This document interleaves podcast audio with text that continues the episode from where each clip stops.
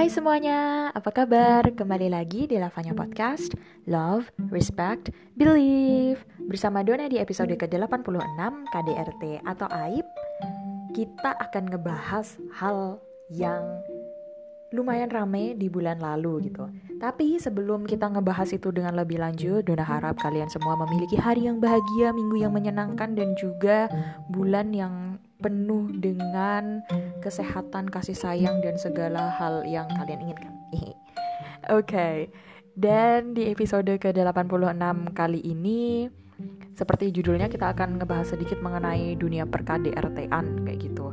Karena ya di bulan lalu kan sempat kayak ada pembahasan cukup rame gitu kan karena ada salah satu eh ada seseorang yang mengidekan gitu atau semacam menormalisasi mengenai kekerasan gitu kan dan itu agak sedikit rame kayak gitu. Nah tapi sebelum kita ngebahas dengan lebih detail, Nuna mau sedikit uh, ngebahas dulu nih mengenai latar belakang kenapa kita mau ngebahas KDRT atau IP ini. Jadi kekerasan dalam rumah tangga itu bisa terjadi pada siapa saja. Gak peduli kalian berasal dari keluarga berada, biasa aja atau semacamnya gitu. Bahkan bisa saja ini terjadi kepada keluarga yang terlihat harmonis. Dan intinya ya ini bisa terjadi kepada siapa pun gitu. Dan tadi Dona sempat mention kan kalau di bulan lalu tuh kita dikejutkan gitu oleh salah seorang ustadzah yang berdakwah dan menceritakan mengenai seorang perempuan di Jeddah, Arab Saudi yang sering mengalami kekerasan oleh suaminya. Ini termasuk memukul, membentak, dan lain-lain. Namun perempuan ini tuh nggak ngelaporin perbuatan suaminya kepada siapa pun termasuk kedua orang tuanya. Dan ini dilakukan supaya menjaga aib suaminya di depan orang lain termasuk orang tuanya kayak gitu. Nah, jadi kan sekarang jadi pertanyaan besar nih. Apa sih sebenarnya maksudnya aib kayak gitu? Dan apakah kekerasan dalam rumah tangga termasuk dalam kategori aib gitu kan? Memangnya nggak pantas gitu dilaporin. Kalau sudah sampai memukul, sampai menjamba atau bahkan sampai bermain benda-benda tajam kayak gitu kan? Jadi, nah ini termasuk aib nggak sih? Enggak, enggak sih atau gimana kayak gitu. Nah, pertanyaan semacam ini yang akhirnya menggelitik tim lavanya untuk mencari tahu dengan lebih detail gitu mengenai KDRT uh, sampai batasan apa gitu KDRT dan sampai batasan apa IP itu. Jadi without further ado dengerin terus Lavanya Podcast episode ke-86 KDRT atau AIP. Stay tune sampai segmen yang selanjutnya Lavanya Podcast. Love, respect, believe.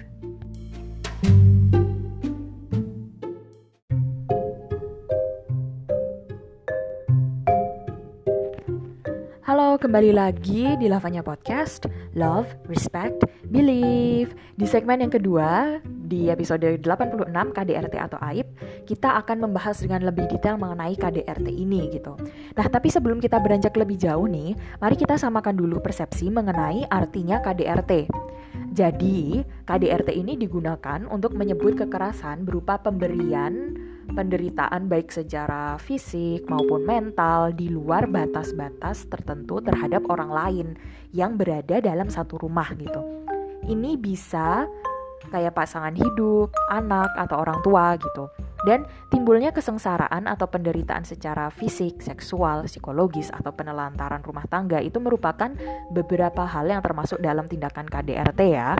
Dan sebagian besar korban KDRT adalah kaum perempuan atau istri. Dan pelakunya pun tentu saja you know, ya suaminya biasanya. Nah, tapi ini bisa juga terjadi sebaliknya ya, meskipun memang secara umum lebih sering ditemukan perempuan yang menjadi korban gitu.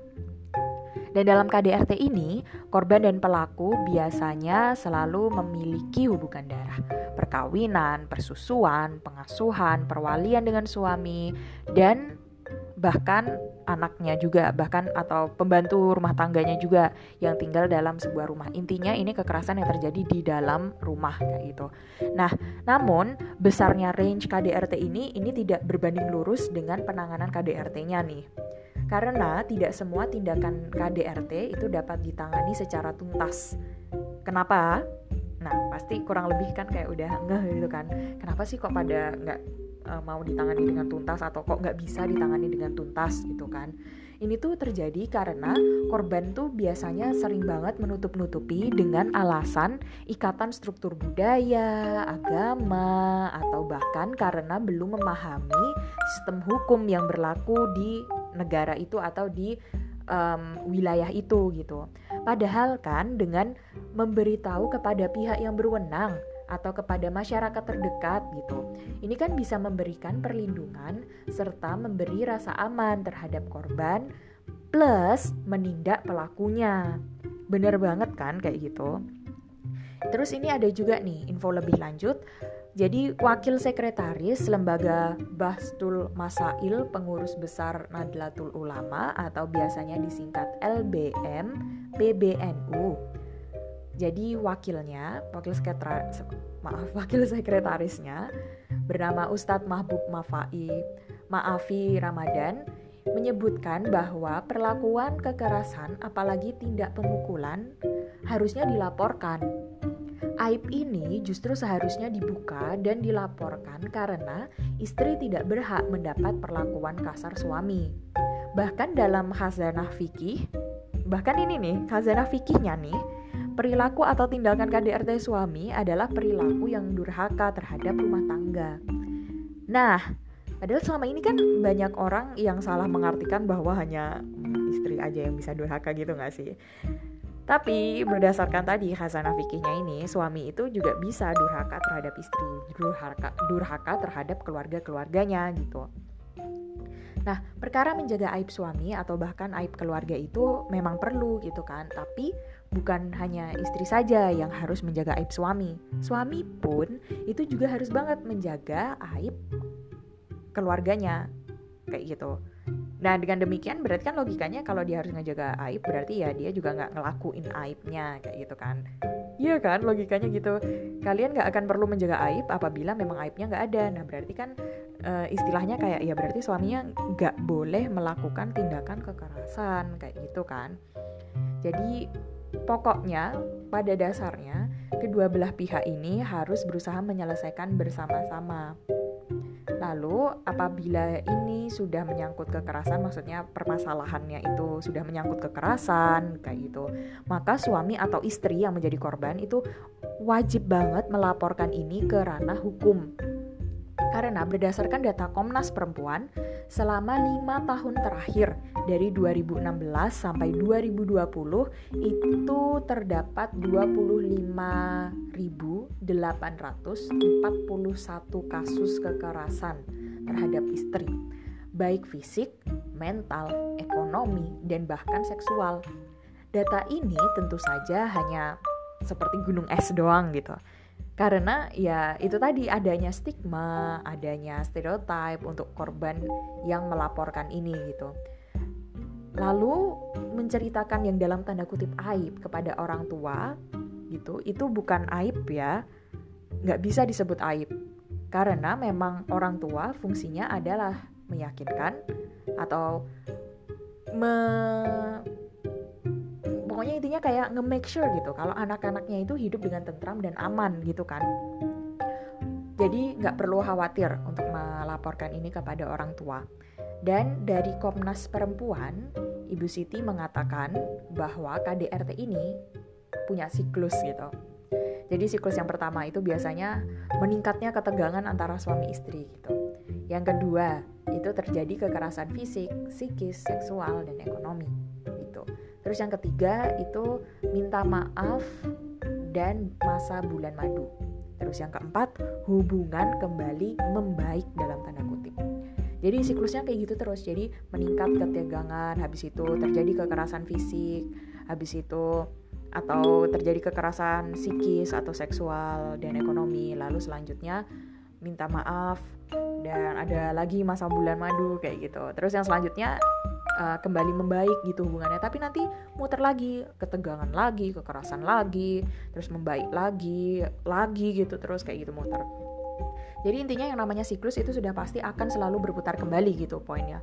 Dan kuantitas dan dalam tanda kutip kualitas kekerasan itu tentu saja dapat semakin memburuk dan bahkan bisa mengarah kepada kematian korban.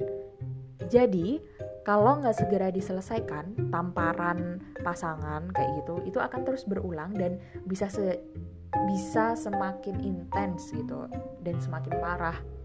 Nah, kenapa kita perlu banget ngobrolin ini? Ini karena emang bukan kekerasan biasa gitu.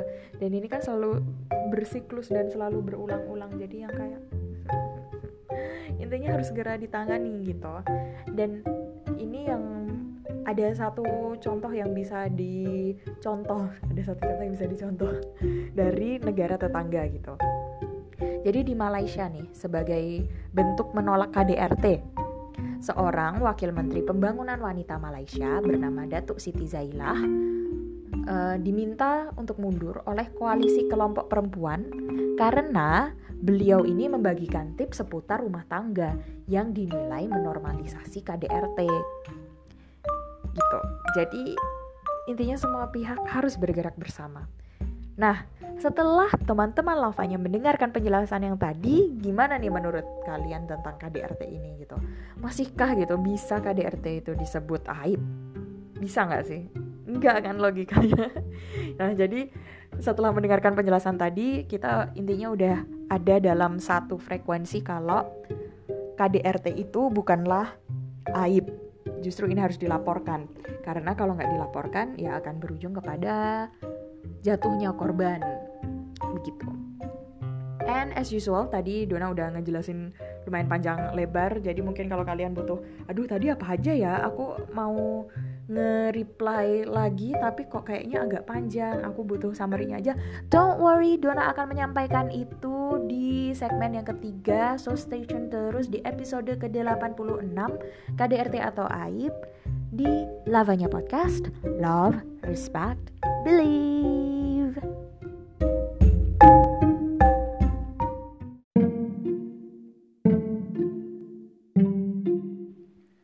semuanya, kembali lagi di Lavanya Podcast Love, Respect, Believe.